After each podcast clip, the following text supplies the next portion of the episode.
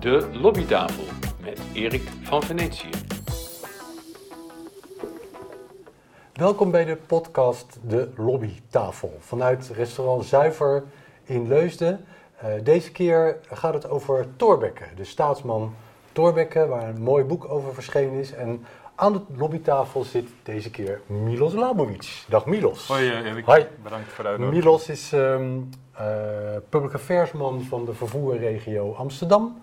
Hij heeft een uh, mooi boek geschreven over de Europese lobby. Dat heet EU Superlobby. En hij was natuurlijk ook uh, lobbyist van de provincie Zeeland uh, in Brussel. Maar nu dus ook een ontzettend Hollands onderwerp, namelijk die Thorbecke. Nou, heb jij dat boek ook gelezen? Ik heb het ook gelezen, dus dat is dit boek. Uh, Thorbecke wil het. We, we, horen bij de 1% mensen die het uh, gelezen hebben. Zouden zo weinig mensen zijn die nee, het gelezen ik denk, ik denk dat heel veel mensen het gelezen hebben, maar je moet er wel echt de moeite voor doen. Met z'n 760 pagina's. Ja. ik, ik 763 pagina's, ja. ja, ja. Maar het is dus echt een soort baksteen, maar het voelt best wel. hij voelt niet eens zo heel erg zwaar aan. Maar laten we het over de inhoud van het boek hebben. Thorbecke Willet is geschreven door uh, Remy Aarts. Uh, waarom jouw fascinatie voor Thorbecke? Ja, ik was heel enthousiast toen dit boek uitkwam. Omdat ja, in het dagelijks hou ik me bezig met public affairs en lobbyen. En iedereen die ook maar een beetje bezig is met het lobbyen, die weet hoe, hoe moeilijk het is. He, als je een kleine wetswijziging wil of je hebt iets nodig van de overheid dat kost echt heel veel energie, heel veel tijd en niks gaat, gaat makkelijk. En deze man die heeft uh, de grondwet hervormd. En naar mijn idee deed hij dat ja, wellicht niet nagenoeg in, in, in zijn eentje, maar dat hij een hele dikke vinger in de pap had. Dus ik was geïntegreerd van wat voor man lukt het om de grondwet te, ja. te We hebben het dus over 1848, hè? Ja, ja wat, voor, wat voor man was het? Nou, ik, um, ik, ik, was wel verbaasd over een aantal dingen in het boek. Hij heeft dus echt een achtergrond ja, waarbij ja, zijn, hij heeft een Lutheriaanse achtergrond, meen ik, of in ieder geval een, ja. uh, een achtergrond die niet de meerderheid was in, in Nederland. Dus hij was in die zin een beetje een buitenbeentje. En zijn ouders die waren misschien ooit rijk, maar dat waren ze niet meer. Dus hij kwam eigenlijk van best wel een pauper achtergrond, ook al had hij wel iets van een titel. Um, hij moest zichzelf echt invechten in de maatschappij. Dat zie je ook echt in het hele, in het hele boek. Uh, door van, ja, dat, het, dat het continu invechten is. In hij de, hoorde er niet echt bij. Hij hoorde er niet, nee. uh, niet bij. En dat, uh, dat viel me op. Ten tweede natuurlijk zijn, zijn onnatuurlijke drang. Ik denk dat dat uh, ja, hij was echt maniacaal. Uh, ik denk dat we dat wel kunnen stellen. Of Waar nou, waarin was hij maniacaal? Nou, of het nou het studeren was, het uh, aantal boeken dat hij las, de, de productie van, van papers.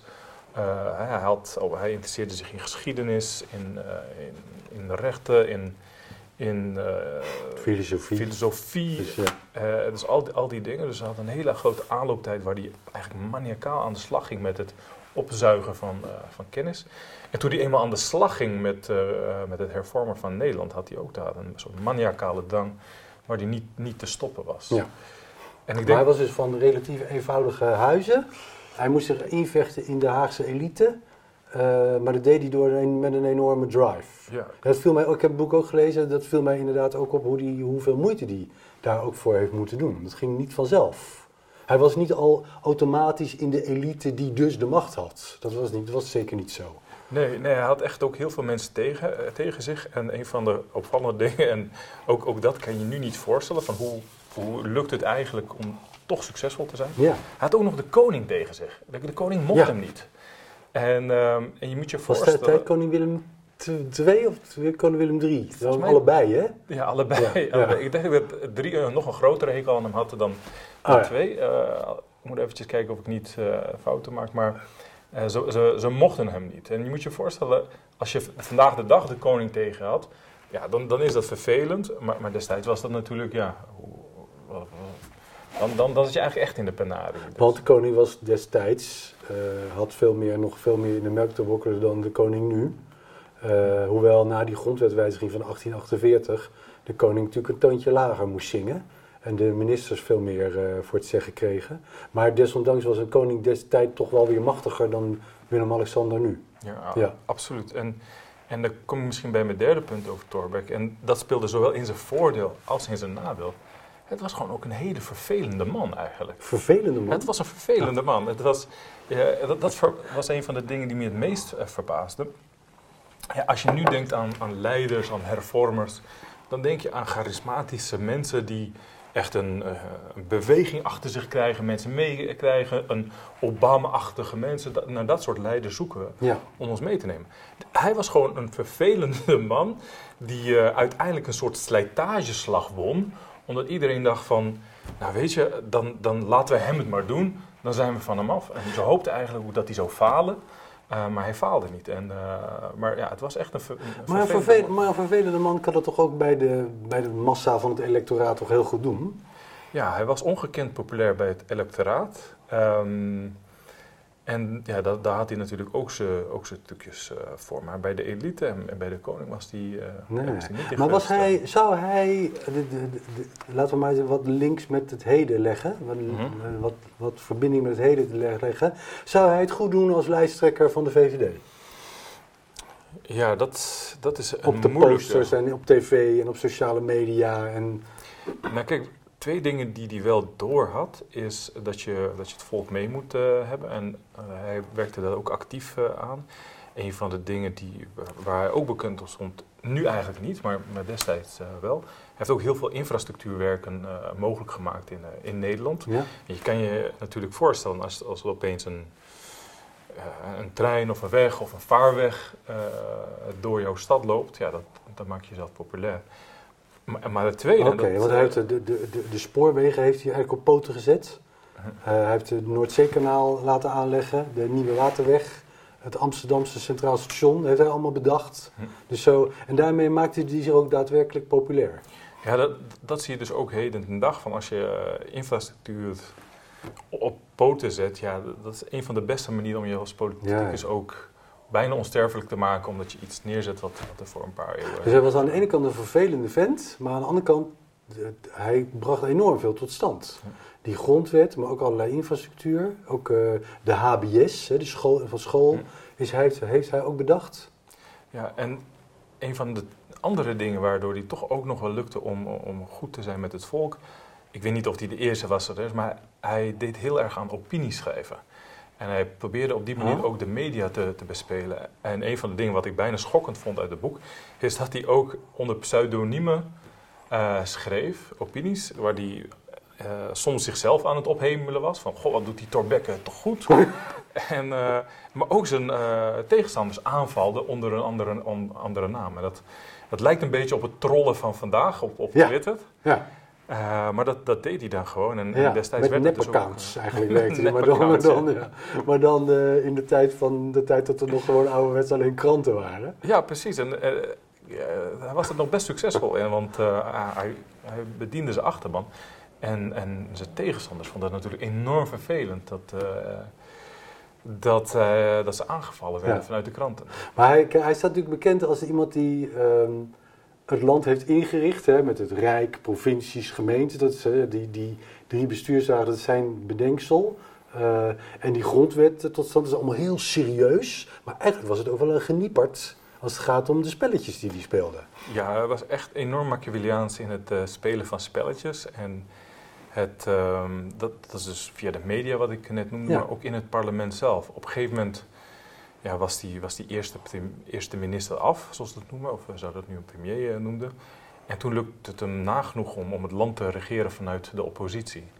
Door het- ervoor te Oh. zorgen dat eh, eh, begrotingen niet werden aangenomen tenzij hij het wilde. Of, eh, of dat er zoveel oppositie was in het parlement dat, eh, dat er gewoon dingen niet doorheen kregen. Eh, en dat getuigt toch wel van iemand die ja, ook in de Kamer haarfijn weet hoe de spelletjes gespeeld Ja. werden. Want ja, hij had dus echt heel veel mensen achter zich moeten schalen om, om tot zo'n meerderheid te komen, Ja. om, eh, om dingen te blokkeren. eh. Het idee van bijvoorbeeld een minderheidskabinet nu, dat zou eh, in zijn tijd, zou hij bijvoorbeeld als oppositieleider dan gewoon het heft in handen hebben. Precies, hij, de titel van het boek is, is heel treffend. Thorbecke wil het. En je ziet van ja, wat, wat hij wilde, dat, dat kwam er uiteindelijk. eh, Ja. Vanwege die maniacale drang, maar ook de, de vaardigheid van het spelen van het spel. En één ding wat ik ook nog niet, niet, niet genoemd heb, maar ook heel belangrijk was, was hij was natuurlijk de ultieme expert op het gebied van, van staatsinrichting. Dus de vraag was maar van, had, had het hun gelukt ook zonder hem? Want hij, hij wist er alles vanaf. Ja. En ook als je kijkt naar, naar het, het lobbyen van vandaag, je, je merkt dat vaak denken mensen aan ronkende teksten, hè, die je moet dan opleveren van ah, frames en, en, en, dat soort dingen. Maar ja, de, de, kracht van expertise is natuurlijk... Ze kwamen uiteindelijk toch weer bij hem uit, want hij, wist, hij was de enige, of de persoon die het allermeest wist over, over staatsinrichtingen. Welke kant maar wat wil je dan zeggen, oh, de, de, de, vergelijking met lobbyen nu, dat een verhaal goed onderbouwd moet zijn, zoals Thorbecke dat ook goed onderbouwde? Hoe ja, wil je dat? Ja, precies. Om, om jezelf in een soort situatie te komen waar het toch niet, op een gegeven moment niet zonder je kunnen, omdat je ja, ja. Uh, de ultieme expert bent op een, op een onderwerp. Hm. Nou, de, de, een van de lobbylessen die je uit Thorbecke kan trekken, zorgt dat je altijd een heel goed onderbouwd expertverhaal hebt liggen. Uh, waar, niemand eigenlijk, uh, waar, je, waar niemand een gaten in kan schieten. Precies. Want dat was precies, bij hem ook ja. allemaal, het was zo goed doordacht dat niemand er eigenlijk een tegenwoord voor, niemand kon tegen zijn. Nee, precies. Want ook op een gegeven moment nadat uh, hij niet meer eerste premier was, of gingen ze eigenlijk gewoon door met het uitvoeren of het implementeren van, van zijn grondwet of zijn ideeën van de Ja, grondwet. En zo zie je ook dat Thorbecke nog ver langer leeft dan dat hij eigenlijk geleefd heeft. Gewoon omdat zijn ideeën zo sterk waren, zo doordacht en zo goed in elkaar dat uh, ook, ook, vandaag de dag, weet je, als we willen tornen aan het huis van Thorbecke, ja, dan, dan is dat heel moeilijk. Hè? Laatst ook met, uh, tenminste een aantal jaar geleden met de Randstadprovincie. Het kwam er niet door, doorheen. En ja, uiteindelijk merk je gewoon dat hij uh, ja, gewoon een heel een, een goed onderbouwd idee had. Uh, waar, je, waar niemand aan kon tornen. Een vervelende vent, zei je, uh, maar was desondanks getrouwd en had kinderen en familie. Was hij daar ook zo'n vervelende vent? Ja, dat is. Hij was voor zijn vrouw blijkbaar heel lief en hij was helemaal gek op zijn, op zijn vrouw. Maar voor zijn zonen en zijn, en zijn kinderen weet ik het niet. Dat schemert niet echt helemaal door, door het boek, maar het leek wel een bepaalde teleurstelling uit te gaan van, uh, naar, zijn, naar zijn zonen die uiteindelijk niet de academische wereld hebben uh, gekozen en Ja. die zijn gaan varen. Ja, die kozen die gingen de, de, over de wereld heen, hè? Ja. ja. Die gingen dan op een gegeven moment ook dood. En Ja, Uit het boek. ellendige ongelukken. ja, Ja. Merk je niet dat hij daar ja, om huilde of om griefde of om... uh, Nee, want hij was geen man van emoties, hè? Hij Nee. was allemaal heel rationeel en zakelijk en hij schakelde alle emoties eigenlijk uit. ja. Maar hoe, hoe ging dat dan met zijn vrouw? Want hij was wel dol op Adelheid Solger, zijn vrouw die, die ook in allerlei brieven, die natuurlijk allemaal in het boek eh, uitgebreid worden geciteerd, zijn Madonnaatje Ja, dat was echt heel Madonnaatje. tenenkrommend uh, uit het boek. Zijn Madonnatje. en uh, ja, die, daar hield hij heel erg van. Uh, en blijkbaar was zij ook heel goed met de vrouw van de, van de koning. Of de, de, de prinses. Dus die had dan ook allemaal insider informatie die ze dan ook weer aan hem kon doorspelen en zo. Maar die, die had er zeker een hele belangrijke rol in zijn, Ja. in zijn leven. Wat mij, wat mij opviel is dat ehm Thorbecke zelf, dus eh, Johan Rudolf, zullen we hem maar even noemen, als Johan voor- Rudolf, dat hij ehm, eh, sociaal echt uitgesproken onhandig was. En ook gewoon soms ook wel heel confronterend deed in sociale situaties.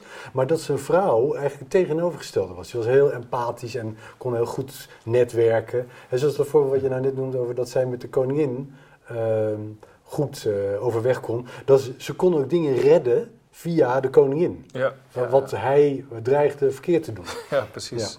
Hij lag altijd in de clinch met mensen. Een van de mooiste voorbeelden uit het boek vind ik.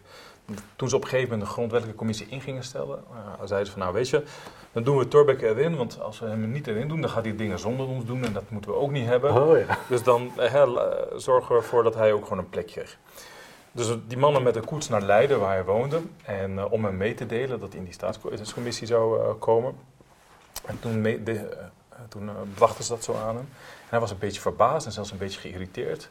Waarop hij zei van, ja nee, maar ik begrijp dat ik in die staatscommissie zit, maar, maar waarom zitten jullie er eigenlijk bij? en uh, ja, je, je werkt gewoon dat heel onhandig en heel vervelend was al, altijd. En, uh, en ook gewoon uitgesproken bedweterig. Bedweterig, Maar ja, zou iemand, zou het, leg weer eens met de link met het heden, zou iemand zou het in de Nederlandse actualiteit nu toch ook absoluut niet meer redden? Nou, Is weet ik arrogantie en uit de hoogte. Nou, weet je wat ik, uh, weet je wat ik denk? Ik denk wel dat hij het zou kunnen, alleen wat je heel erg merkt is, hij had een bepaald gelijk en daar geloofde hij in en dat zette hij door.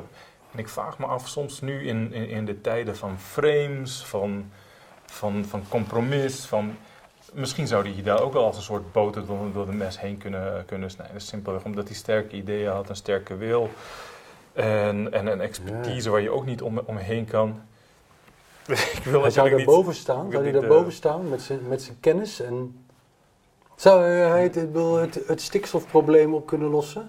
Want dat zijn van die enorme belangenstrijden. Ja, dat is, de wereld is wel complexer geworden. De wereld is wel complexer geworden. Dus dat, dat vraag, ik me, vraag ik me wel af. Je hebt zoveel verschillende afwegingen en die heb je misschien nu, nu niet... Uh, tenminste, die had je toen wellicht niet zo. Uh, zoals, zoals Nog even terug naar, uh, tot slot over de, het effect van hem op de lobbypraktijk. Nou, hij heeft natuurlijk het huis van Thorbecke. Hè. We hebben de, de, overzichtelijkheid in Nederland nu van een rijk provincie gemeente. Dat was voor die tijd helemaal niet zo overzichtelijk. Uh, en dat maakt het voor lobbyisten natuurlijk allemaal wat eenvoudiger, zou je zeggen. Of heeft, zijn er nog andere effecten van hem voor de lobbypraktijk? Nee, het is, het is in die zin precies zoals je het zegt. We hebben altijd een, een executive, hè, een, een, college van BNW of een gedeputeerde staat of een of, of, ministers en je hebt een, je hebt een parlement die, die dat controleert, of het nou gedeputeerde staat is een of een gemeenteraad. En natuurlijk de procedures en de dynamiek is, is, is veel anders, maar het is zo onwaarschijnlijk overzichtelijk, uh, overzichtelijk hier in Nederland. Dat, ja. Ja, of je, nou zeg maar, nou, ik, ik, moet natuurlijk geen karikatuur maken, maar in principe weet je, het werkt in, in Groningen net als in Zeeland. En, uh, of in, in, of het nou Amsterdam of Bronkhorst is, ja, de dynamiek en de omvang en de steek zijn natuurlijk anders. Maar dat is toch in alle moderne democratieën zo? Dat is bijvoorbeeld door de loop van de jaren, in de eeuwen heen, is het ook in Engeland en in Duitsland en in Frankrijk ook allemaal uniform. Ja, dat, dat, dat klopt. En uh, tegelijkertijd, je, je, zou het kunnen vergelijken als wanneer je met een vliegtuig over Europa heen vliegt. Het, het, het is allemaal, er is ruimtelijke ordening en er zijn regels voor. Maar in Nederland is het wel heel aangehaard natuurlijk. Het is, het is allemaal wel heel netjes. Niet alleen geografisch, maar ook uh, qua organisatie. Ja, ja precies. Ja. Het is wel heel uh, uitzonderlijk goed geregeld. Ja. Hier, uh. Ik ben nog steeds benieuwd naar de vraag van zou die het overleven in de huidige politieke praktijk? Met, met media en ingewikkelde problemen en... en alles, alles wat je zegt wordt op een goudschaaltje gewogen. Uh, alles komt in de publiciteit. Hij zou, maar goed, als ik juist zo hoor, hij zou er misschien wel redelijk in overeind blijven ook. Ik denk het wel. hij was natuurlijk wel heel handig in dit soort dingen. Ja. ja. En hij was natuurlijk heel goed in het uh, bekijken van wat er in zijn omgeving gebeurt aan om, ontwikkelingen. En dat mee te nemen, bijvoorbeeld in zo'n grondwet, die heel erg vanuit de praktijk, van de gegroeide praktijk is gevormd. Dus hij had, heel, hij, was, hij had hele goede antennes voor wat er om hem heen gebeurde. Ja, klopt. Maar dat is meer vermoeden hoor. Ja, en ik denk ook dat hij, het feit dat hij altijd wel mensen mee uh, kon, hij had ook wel een bepaalde uh, aanzuigingskracht voor bepaalde mensen, of het nou in het parlement was. En, en, ja, wat hij dan ook deed is, hij had zijn leven lang had hij uh, onderwijs gegeven. Hij was ook leraar en professor. En daar maakte hij, leerde hij natuurlijk ook jonge mensen kennen. En die jonge mensen die zitten die later ook allemaal op posities en oh, zo. dus, dus, het was wel echt iemand die ook strategisch heel erg bezig was met, met poppetjes. Wie zet ik waar en wie is bevriend en wie is niet bevriend. En, en je merkte zo dat hij, uh, dat, hij daar, uh, dat hij daar ook een bepaalde behendigheid Een vaardige had, uh, behendigheid waar hij nu ook nog heel veel aan zou hebben. Ja, als hij dat zo zou precies, doen. precies. Goed, we hadden het over dit boek, Thorbecke wil het, geschreven door Remy Aarts. Um, dankjewel, Milos Lamovic. dank, was leuk om te doen. Dankjewel, restaurant Zuiver in Leusden, waar wij nu te gast zijn. En uh, fijn dat je luisterde naar de podcast De Lobbytafel. We hadden het natuurlijk in het begin ook over het boek van Milos Labovic. Dat heet EU Superlobby, Winnen in Brussel. Uitgegeven bij Vakmedianet en ook in een Engelse editie bij John Harper. Dankjewel en graag tot een volgende keer.